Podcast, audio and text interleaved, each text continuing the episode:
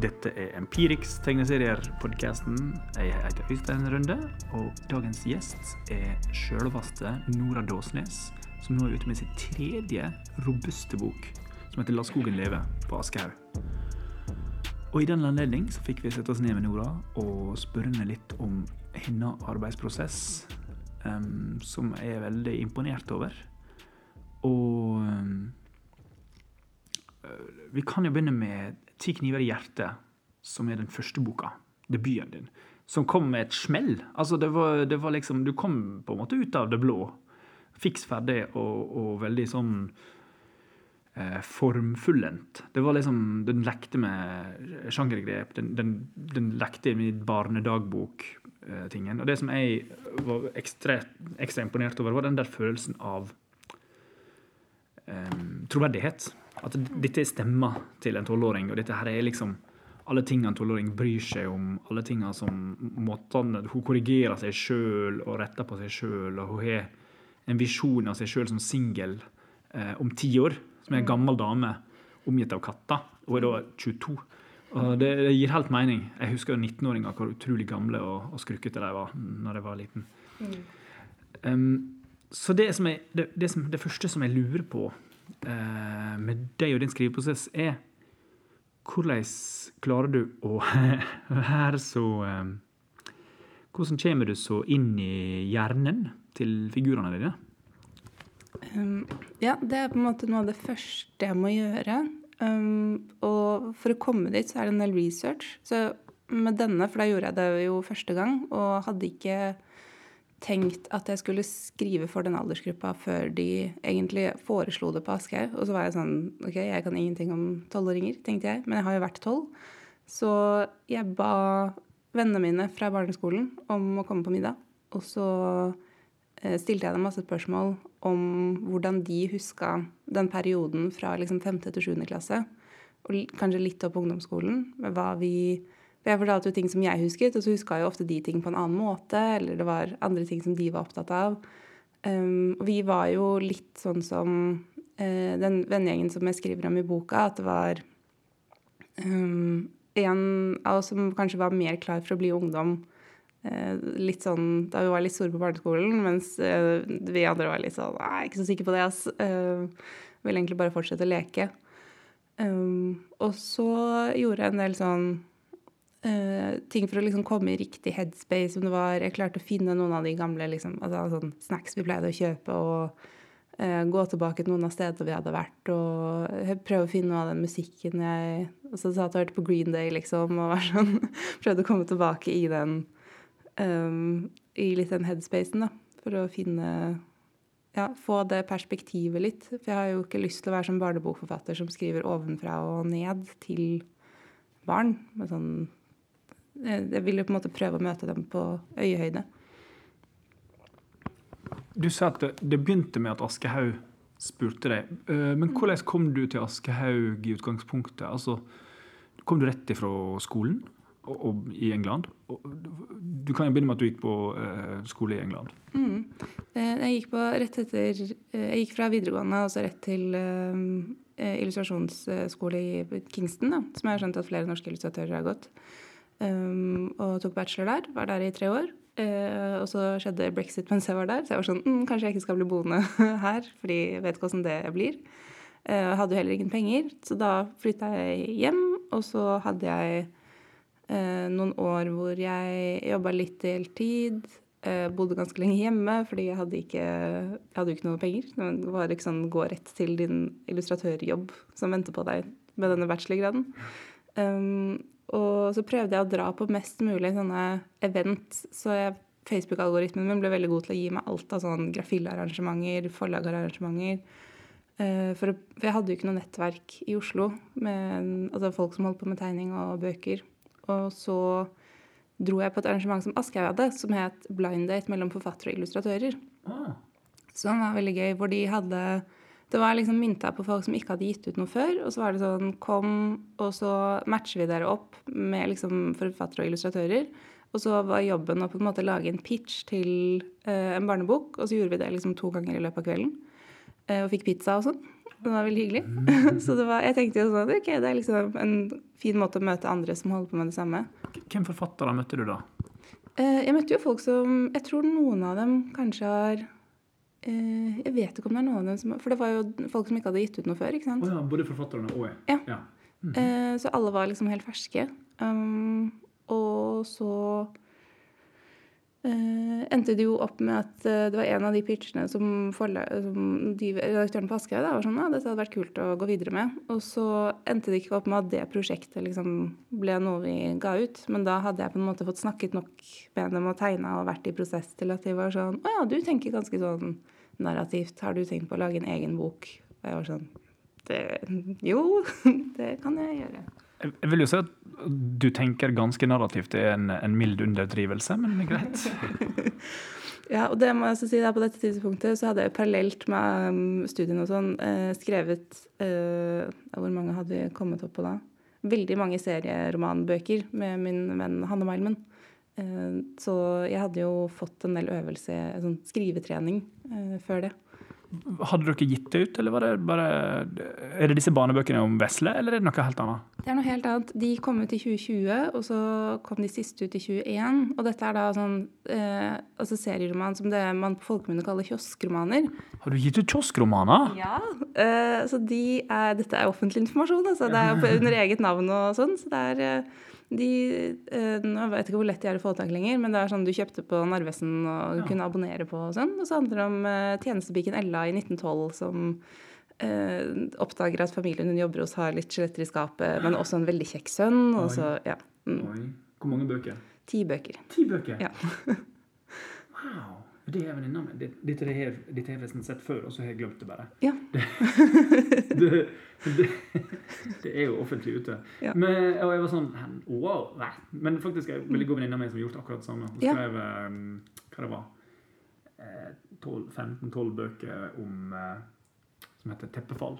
ja, ikke sant? Kjenner du til deg? Ja, ja. Kjenner du til deg? Ja, ja. Du, du leser liksom den sjangeren litt? Eh, ikke nå lenger, for vi gjorde det jo mest eh, altså, Vi hadde jo ikke lest noe før vi sendte inn manus til manuskonkurransen, som de hadde. Som var sånn- Hvilket forlag var det? Det var jo altså, Norske serier, som er et imprint under Cappelen Dam. Oh, ja. ja. Og de har sånne manuskonkurranser av og til, hvor du kan liksom De har sånn Ja, send inn manus, og så var det vinn 100 000 kroner, da. Og vi var liksom 18 år og skulle begynne å studere og var sånn Det hadde vært greit med 100 000 kroner. Ja. Eh, og sendte inn manus. Eh, og så ble det dømt anonymt, så jeg tror eh, liksom både de og vi var like overrasket da de ringte oss noen måneder senere og var sånn Dere har vunnet. Stemmer det at dere er to personer og ikke er ferdig med videregående ennå, på en måte? Eh, så det var, det var veldig gøy. Um, veldig sånn um, Jeg tror det var litt den innstillingen vi begge hadde, at det var litt komme inn i bokbransjen gjennom hvilken som helst dør vi kunne finne, og så ta det videre derfra, på en måte. Mm. Mm. Ja, men dere har jo gjort mye siden. Mm.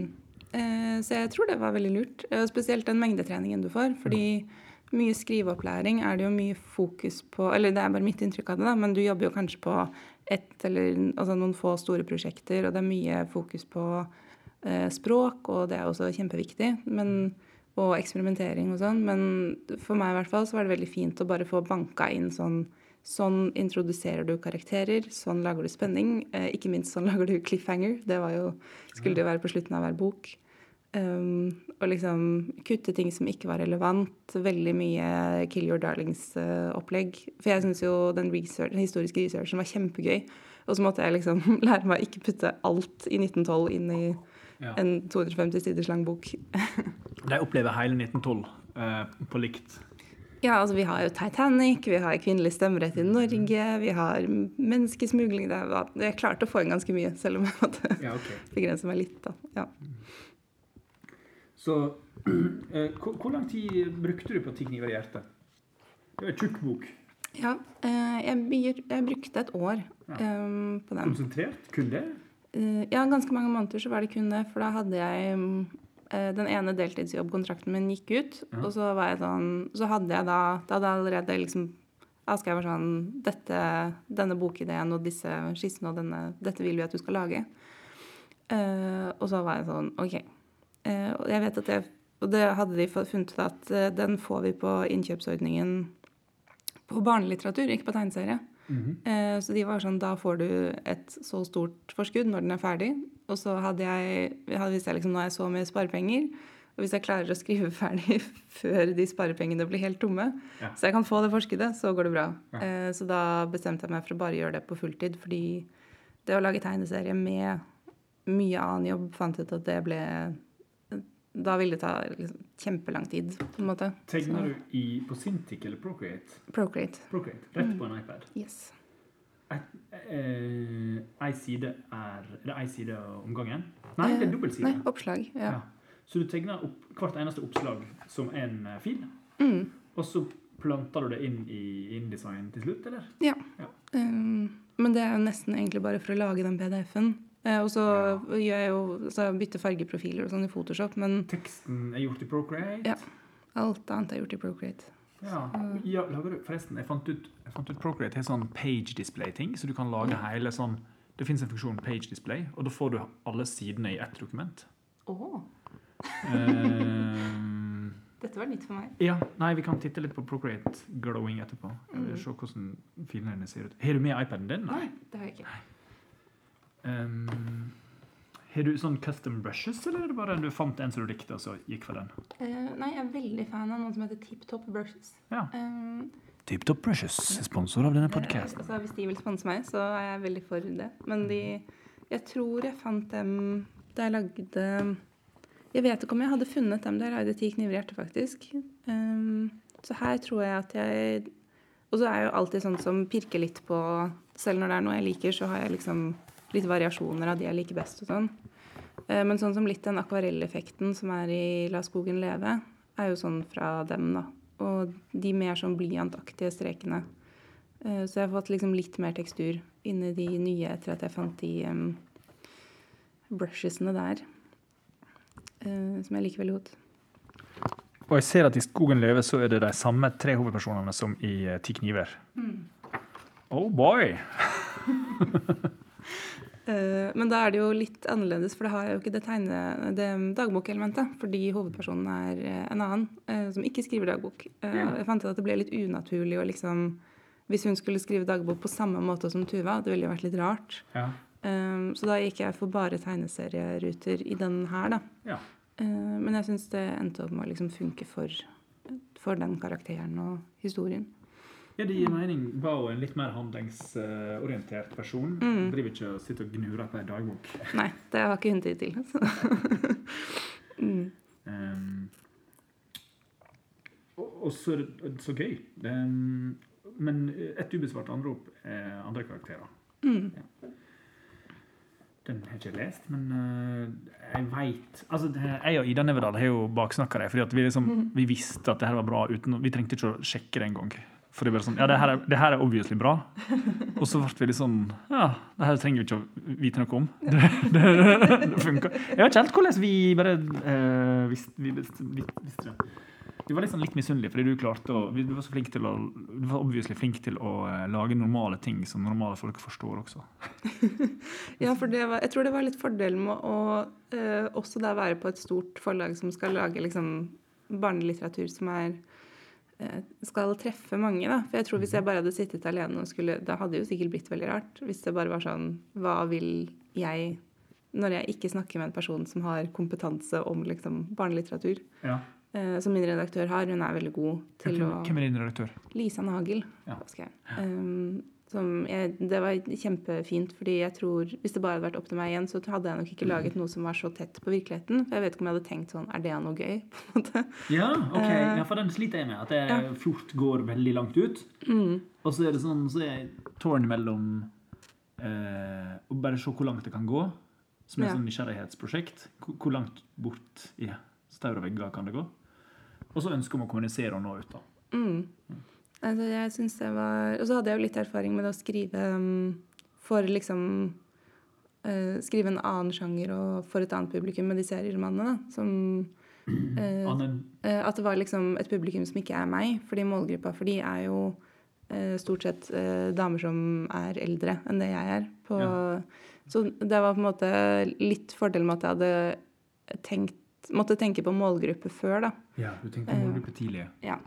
Eh, og det var fint med Og så var det jo på jeg også, liksom For jeg tror jeg kom, da jeg kom med mine egne ideer, så tror jeg det var litt mye rart. Og så var hun sånn Men har du tenkt på å skrive sånn dagbokroman? Fordi eh, Og så tror jeg ikke de hadde tenkt at det skulle være tegneserie, men så var det på en måte jeg som var sånn Men kan jeg også ha tegneserie? og så ble det liksom et sånn Men er det ikke mer arbeid når du gjør en tegneserie? Eh, jo, jo. Så det var jo eh, Jeg innså spesielt det da jeg skulle fargelegge. Det var, Jeg har aldri undervurdert hvor lang tid noe kan Jeg er veldig tidsoptimist, så jeg tenkte Hva har det jeg satt av? Jeg tenkte jeg skulle klare fargelegge den på to uker. Hele boka på 350 sider. Eh, 250. Men eh, det gikk jo åpenbart ikke. Eh, så ja. Det, det, er jo på en måte, det er jo veldig enkle farger, det er jo enkle fargeflater og sånt, da, men, men det er veldig godt balansert. Var det krevende å Hva var det som var krevende med fargelegginga? Var det mest å eh, få oppslagene til å bli pene, eller var det det å treffe linjene, liksom? Altså sånn Var det velginga, eller var det arbeidet som tok mest tid? på en måte? Eh, nei, det, var, det som tok mest tid, var jo arbeidet. For å få det til å liksom se ordentlig ut. Um, Ja. på sånn, selv om denne har på en måte et uttrykk som er ganske sånn Det skal ikke se sånn kjempe Det er jo ikke nordlys, liksom, hvor alt er sånn kjempenydelig, og de har sikkert sånn 3000 lag, forestiller jeg meg. Uh, og det er sånn Ja. Uh, og den tålmodigheten har jo ikke jeg, på en måte. Men det skulle jo fortsatt, uh, som du sier, liksom treffe linjen og ja, være sånn passe pent, da. Ja, men, Eh, Men velginga går på en måte raskere. Ja, ofte. Har du da valgt en palett for hvert, hver location, sånn at hver location skal ha en viss fargepalett? Eller har du valgt for hvert kapittel eller hver følelse? Eller? Eh, nei, jeg pleide jo å ha Jeg bruker jo, for du kan lage ferdig sånne paletter i Procreate. Så jeg pleier å ha en sånn grunnpalett for boka, og så varierer jeg liksom litt når jeg trenger det. Så jeg er ikke så veldig trofast mot den, men da har jeg i hvert fall sånn hårfargene og hudfargene og de liksom viktigste. Sånn jakka til Bao i den La skogen leve, eksempel, hvor hun har en sånn rød regnjakke. Og da var det liksom viktig at dette er samme rød gjennom hele, da. Men, Det er et slags binder det liksom sammen, uh, viser henne på en måte Det sier noe om henne, på en måte. Hennes engasjement og hennes eh, ja, personlighet i den boka. Ja, eller jeg ville at hun skulle ha eh, At hun skulle være eh, Ha en sånn sterk farge, da. eh, og være lett å se på de store oppslagene. At man liksom ser henne veldig raskt. Du visste den kom til å ha store oppslag, og da ja, eller jeg visste at de skulle Det var jo litt det at de skulle være ute i skogen mye. Og så ville jeg ha en kontrastfarge, på en måte. Eh, men også at det kan eh, det, ja, jeg tror det dukket opp litt tidlig i tegningene. Jeg merker jo at jeg er veldig dårlig på å kanskje analysere hvorfor jeg gjør de visuelle valgene jeg gjør. Så ofte så er det Jeg tenker, må på en måte ikke tenke på det før jeg får sånne mailer fra redaktøren min som er sånn Hei, vi skal søke produksjonsstøtte. Kan du si noe om hva du har tenkt? Og så er jeg sånn «Eh, Ja. Så må jeg liksom finne på noe. Men eh, ja. Skriver du hele manuset ut som tekstdokument først? Nei. Det har jeg prøvd veldig halvhjertet på og funnet ut at det syns jeg var skikkelig kjedelig. Så jeg tegner og skriver samtidig. Ja. Helt fra starten. I Procreate, rett inn? Ja. Sånn at det ligger et sånn, en stack i Procreate, liksom? Som er bare alle sidene etter hverandre Mm. i oppslag. Ja. Og så skriver du inn liksom, og så, du, og så ser, du- sender du inn en svart-hvitt versjon, da, til, eh, eller sånn billig versjon. Ja, sånn Til- skikkelig skissete versjon hvor jeg har skrevet med min raskeste håndskrift, og det er et mirakel at redaktøren min klarer å lese det. Og, så Ja. det sånn, og de første jeg sender inn, så er ofte ikke alt ferdig. Så da har jeg litt sånn Jeg har de scenene jeg har tenkt, og så har jeg liksom Mellom her så skjer det kanskje noe sånn. Og så er jeg ofte sånn Aner ikke hvordan dette skal slutte, men Mm. liksom er dette en bok? Og så eh, sier hun Har hun sagt ja på det som har blitt en bok. Eh, og så må jeg liksom eh, da begynne å Det som jeg liker med å starte Retty Procreate, er jo at da ligger jo Da kan jeg på en måte bygge videre på de skissene. Så jeg prøver å ha det fra, i riktig format fra starten. Det er ikke alltid jeg vet hva det skal være. Hvis du kledder ut en ting som har en fin energi Ja, så kan jeg liksom bare la den skissa ligge under, og så bruke det inn uten at jeg trenger å liksom skanne og flytte ting så mye. og bare... ha alt i samme sted, da. Ja. Er det noen ulemper med Procreate? Um, Ja. Eh, det er det jo. Eh, Det er jo.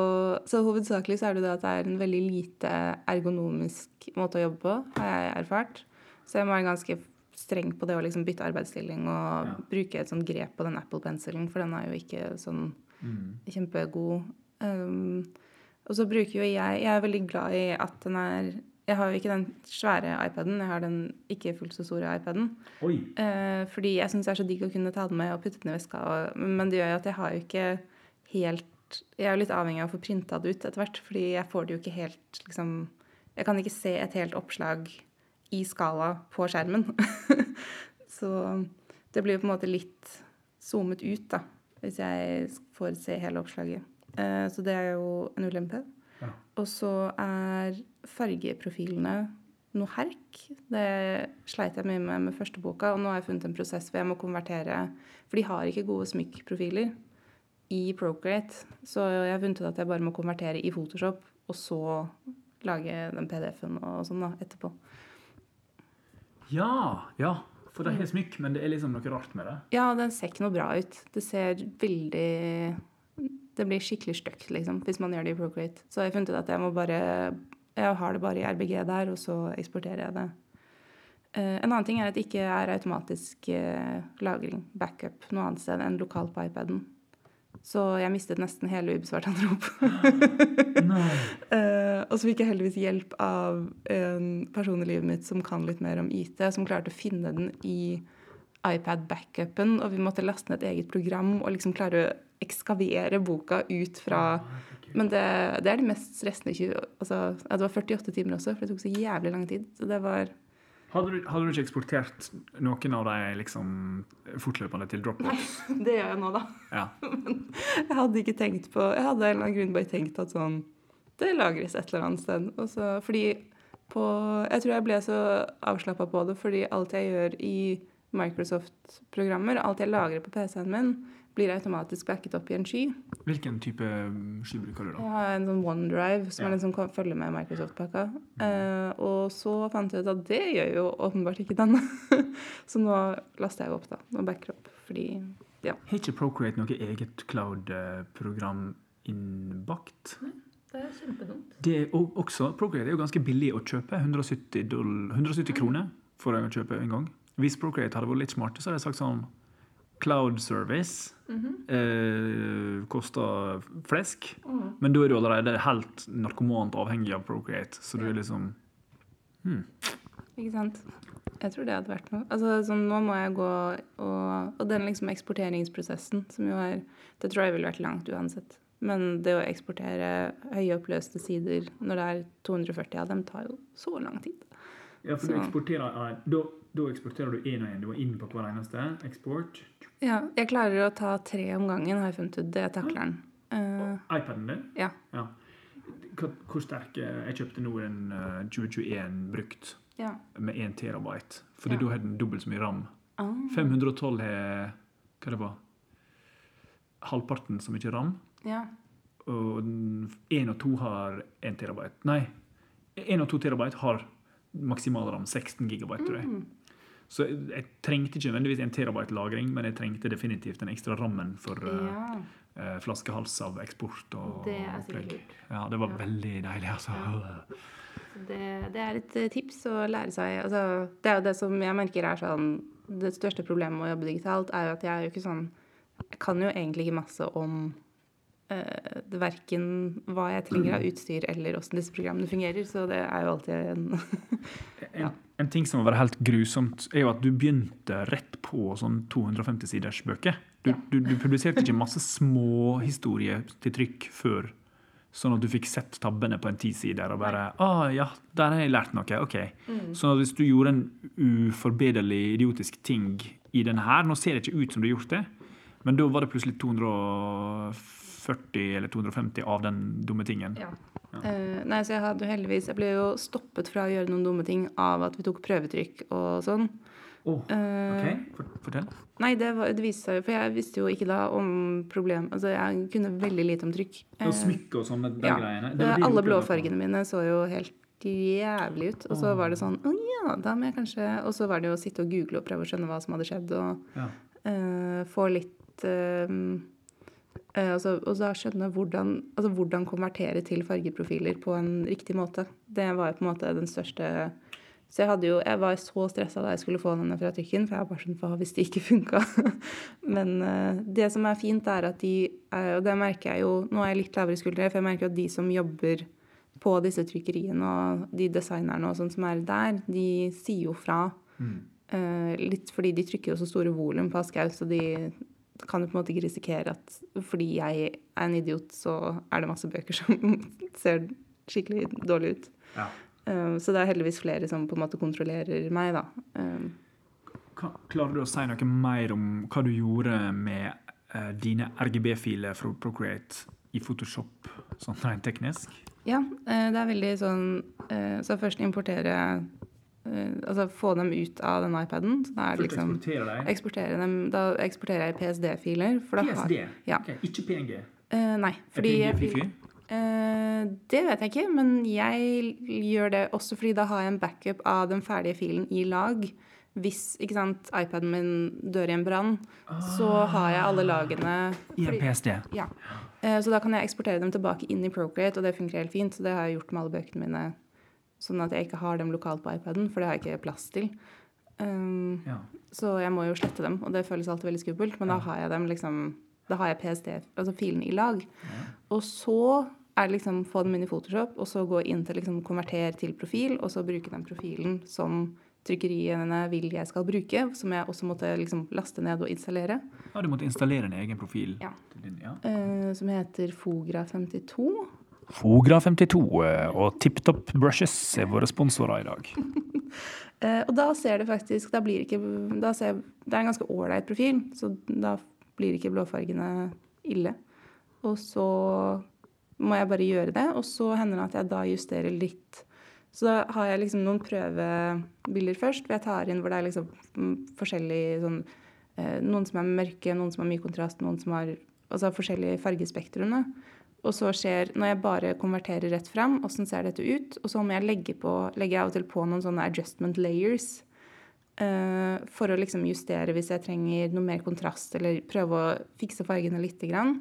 Og så bare kopierer jeg alle de samme lagene og legger dem oppå liksom alle de Når jeg på en måte har funnet ut en pakke da, som jeg syns funker. Uh, sånn at jeg gjør litt justering i Photoshop på alle filene før jeg så putter dem inn i et veldig stort InDesign-dokument og eksporterer PDF-en, som er det de skal trykke da, til uh, Ja. Så det er den prosessen. Men, eh, men i InDesign så vil jo da PDF-en Eller da vil jo InDesign-dokumentet peke til PSD-filene, Photoshop-filene, kontinuerlig. Sånn at du kan gå inn Når du ser hele InDesign, du har satt hele InDesign-dokumentet sammen, så ser du at fargen på alle høstscenene er litt stygge, fordi høstbladene blir liksom grumsete brune. Og da kan du gå inn og putte det adjustment-layeret på alle laga, alle sidene som har med høst. Ja.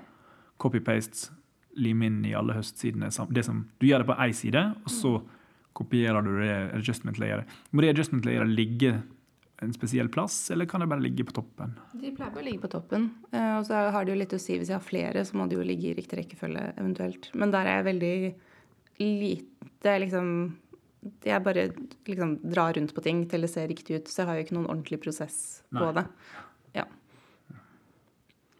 Så sånn er det. Åh, det var herlig spesifikt. Ja. jeg tror det er sånt vi trenger. Altså, Ja. sånn, jeg, jeg føler at vi alle driver og strever å finne opp sykkelhjulet på nytt. Ja, det har jeg også tenkt. at Det var sånn, dette er jo, og det er derfor jeg Det jeg egentlig er best på, som jeg har blitt skikkelig god til av alt av sånn digital jobbing, er at jeg er skikkelig god på å google problemer. Finne løsninger der. Og du er jo gått på Kingston, som er en veldig bra illustrasjonsskole. Og likevel så kommer du ut så blank, på en måte. Ja, fordi den var jo kjempebra på um, det å liksom lære å tenke visuelt og løse oppgaver, og ikke minst det å få komme seg opp på et bra tempo, fordi de er veldig sånn De fikk oss med vilje til å jobbe med prosjekter parallelt, fordi de er sånn I den virkelige verden så må dere det. Så eh, sånn eh, prosessmessig var det veldig bra. Men vi hadde veldig lite sånn Du må lære deg disse programmene, eller du må lære denne tegneteknikken, eller Det var veldig selvstyrt. Eh, så det kom på en måte eh, Det jeg på en måte har tenkt hadde vært fint å ha liksom én dag på, var bare sånn trykk 101-dag. Hadde vært greit. Men ellers så var det liksom Jeg tror det også, jeg brukte ikke så mye farger. Jeg var litt redd for farge Ja. mens jeg gikk der. Så jeg fikk nok ikke brynt meg helt på spesielt så sterke farger som jeg bruker i Ti kniver i hjertet. eh, før jeg begynte med den, egentlig. Eller, ja. Mm. Jeg også gikk sånn ti, ti år og var livredd for farge. Ja. Eh, Det var egentlig Procreate som gjorde at jeg turte, fordi den hadde disse palettene Ja. som gjorde farge litt mer eh, forståelig for meg. Spesielt kanskje det hjulet som hadde sånn automatisk eh, Hva det heter eh, Automatiske komplementærfarger, Ja. tertiærfarger. At du, du, får et, du drar i noen spaker, og så blir det sånn automatisk en match. Så slipper jeg som er sånn blind og driter meg ut gang på gang. For når jeg prøvde tidlig, tidlig, tidlig på sikkert 1998, så prøvde jeg å fargelegge ei, side Bjartmann i Photoshop. Det tok det uendelig med tid, for det, jeg skulle ha høy oppløsning og jeg skulle ha masse greier. Og så etter ei uke med jobbing så så jeg på det, så det var grusomt stygt. Det var så stygt. Og jeg forsto, at det her går ikke. Så bare sånn Slutt, da.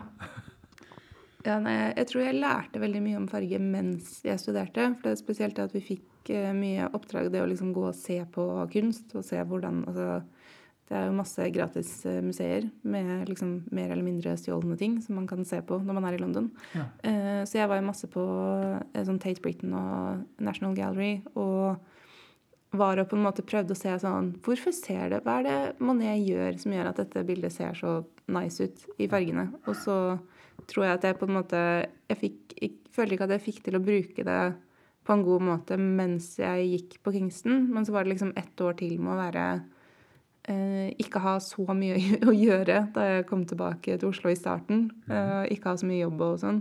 Hvor jeg på en måte fikk eksperimentert litt og pusha meg selv litt på å på en måte skru opp fargevolumet.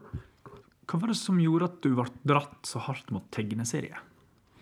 Mm, jeg tror jeg har ehm, Jeg har alltid likt å tegne og alltid likt å skrive.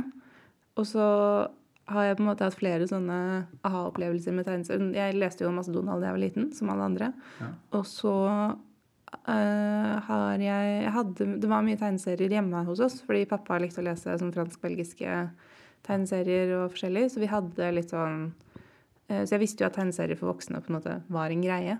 Um, og leste Mouse og sånn, eksempel. Da jeg kanskje var litt for ung til å lese Mouse. Uh, ble sånn litt traumatisert av det, men syntes også den var veldig bra.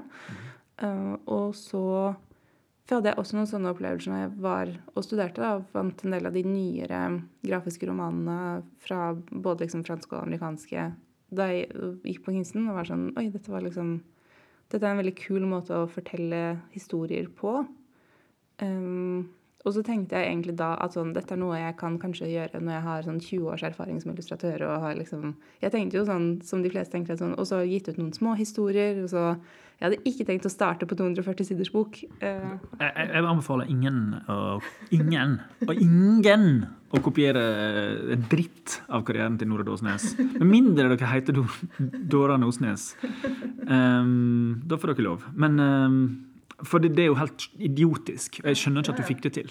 Altså, Jeg forstår ikke. Men lagde du virkelig ingen korthistorie før du lagde Ti kniver? Eh, Jeg lagde jo litt på, på universitetet, så ingenting oh, ja, som har blitt gitt ut ordentlig. og sånn. Ja. Det var sånn enkeltopplag. Men da eksperimenterte jeg både litt med det og litt med bildebokformat, som ikke nødvendigvis var sånn bildebok for barn, men sånn altså, sekvenshistorier med tegninger. Men, men det må jo sies at da hadde du faktisk lagd ti kioskromaner før Ti kniver. Ja. Så du hadde jo trening i å eh, lage en historie og levere den fra deg, Mm. og, og holde fokus. Altså, holde fokus gjennom ti bøker er jo helt sinnssvakt imponerende. Og da var dere, Hvor gamle var dere når dere har gjort de ti bøkene, du og, og Hanna Meilmann? Nei, da var vi jo Vi ble ferdig samtidig som jeg ble ferdig med i 2020, da. Så da var vi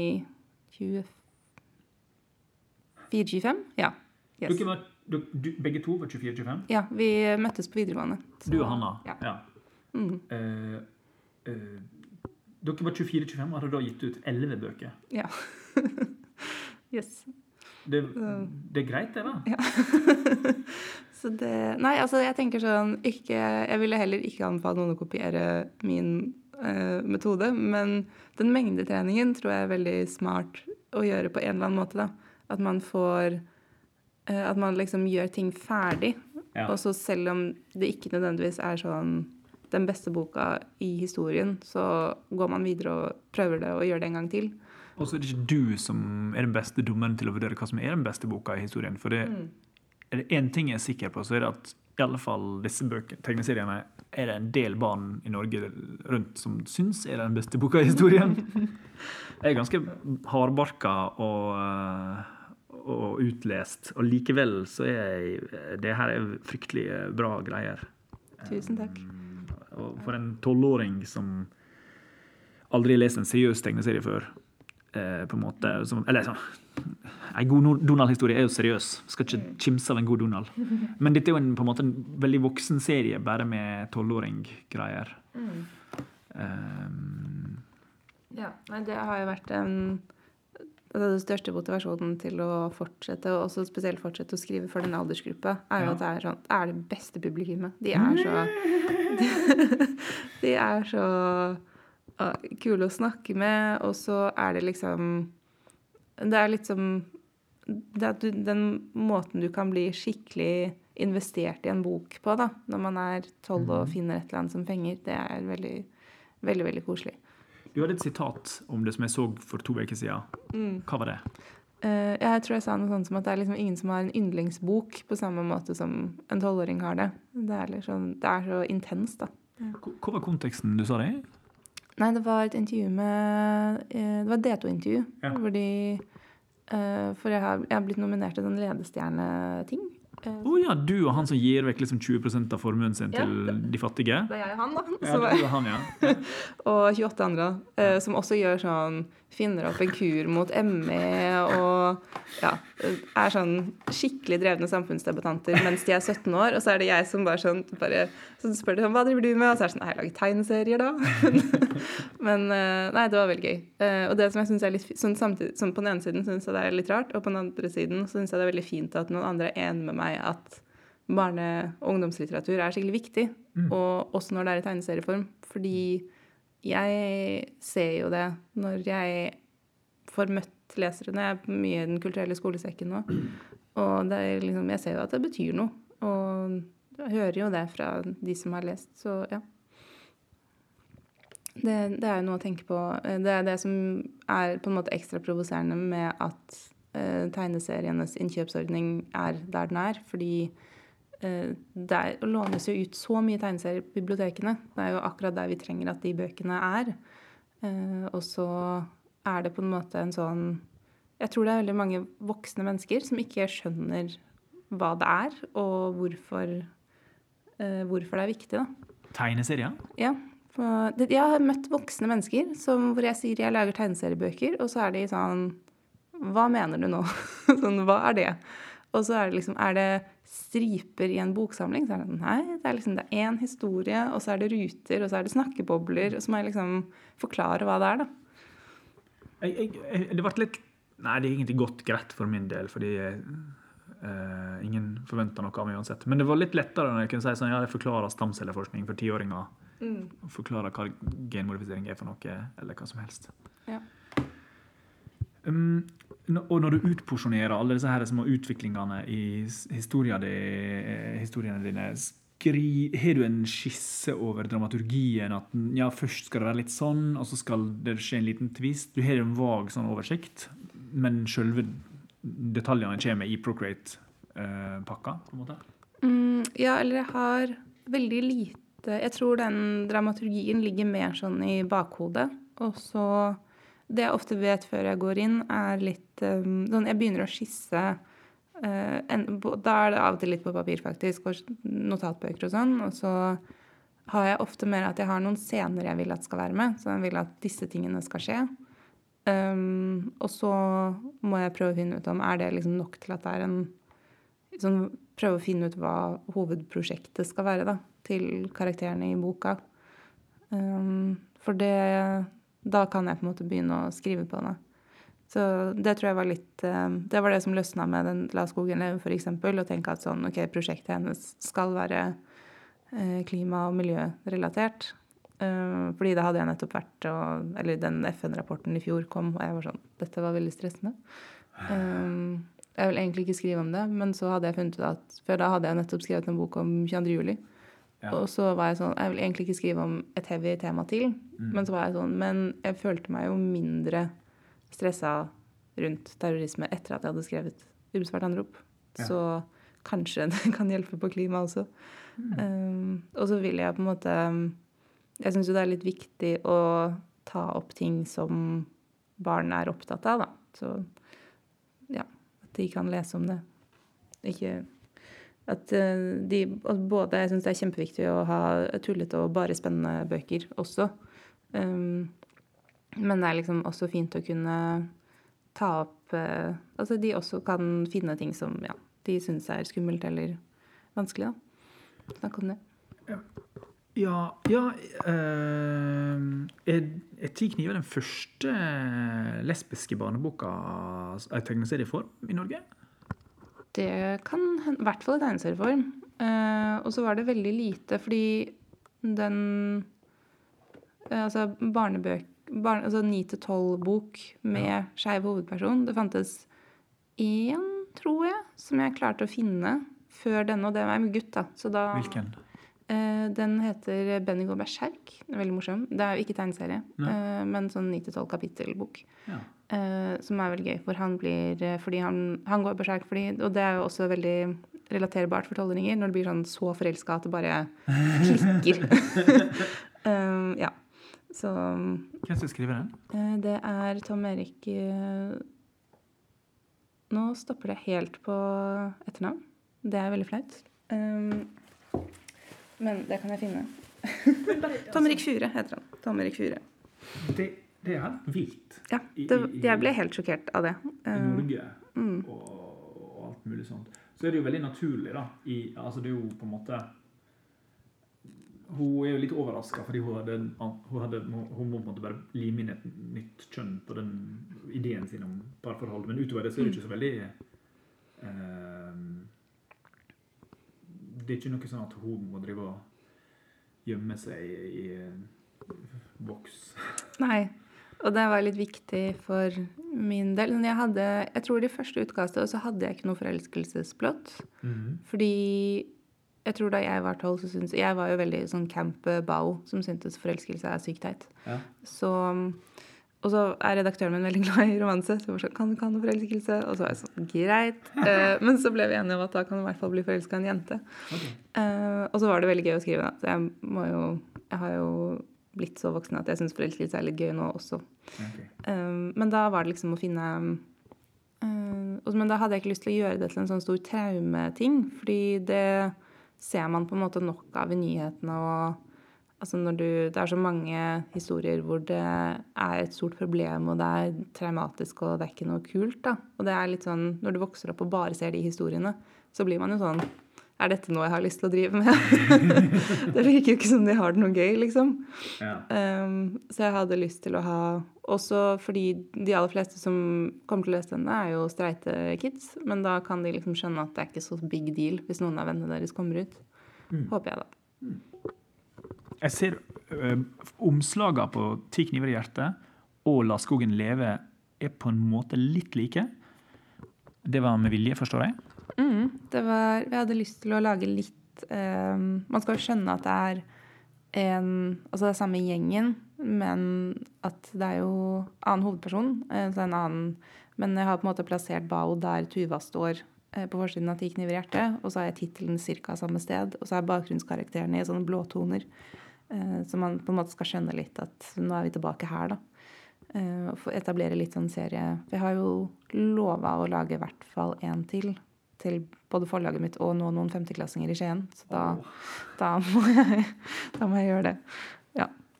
Um, men det er også eh, Det er ofte der faktisk at mye av det visuelle uttrykket kommer. Fordi forlaget skal jo ha den forsiden før jeg egentlig er klar til å begynne å tegne sånn ordentlig. Så da blir jeg tvunget til å etablere litt sånn Så det var ganske mye Lagde ganske mange skisser på La skogen leve hvor det ikke satt helt. Og så fikk jeg på en måte Det var noe med å få den litt sånn friskheten som løsna litt. Så veldig, det etablerte på en måte mye av fargepaletten for hele resten av boka. For det er ofte det første ordentlige bildet jeg tegner ferdig. Så, ja. Omslaget Ja. kommer før alt annet. Ja. Eh, Som er litt rar måte å jobbe på. Men eh, ja, sånn har det blitt.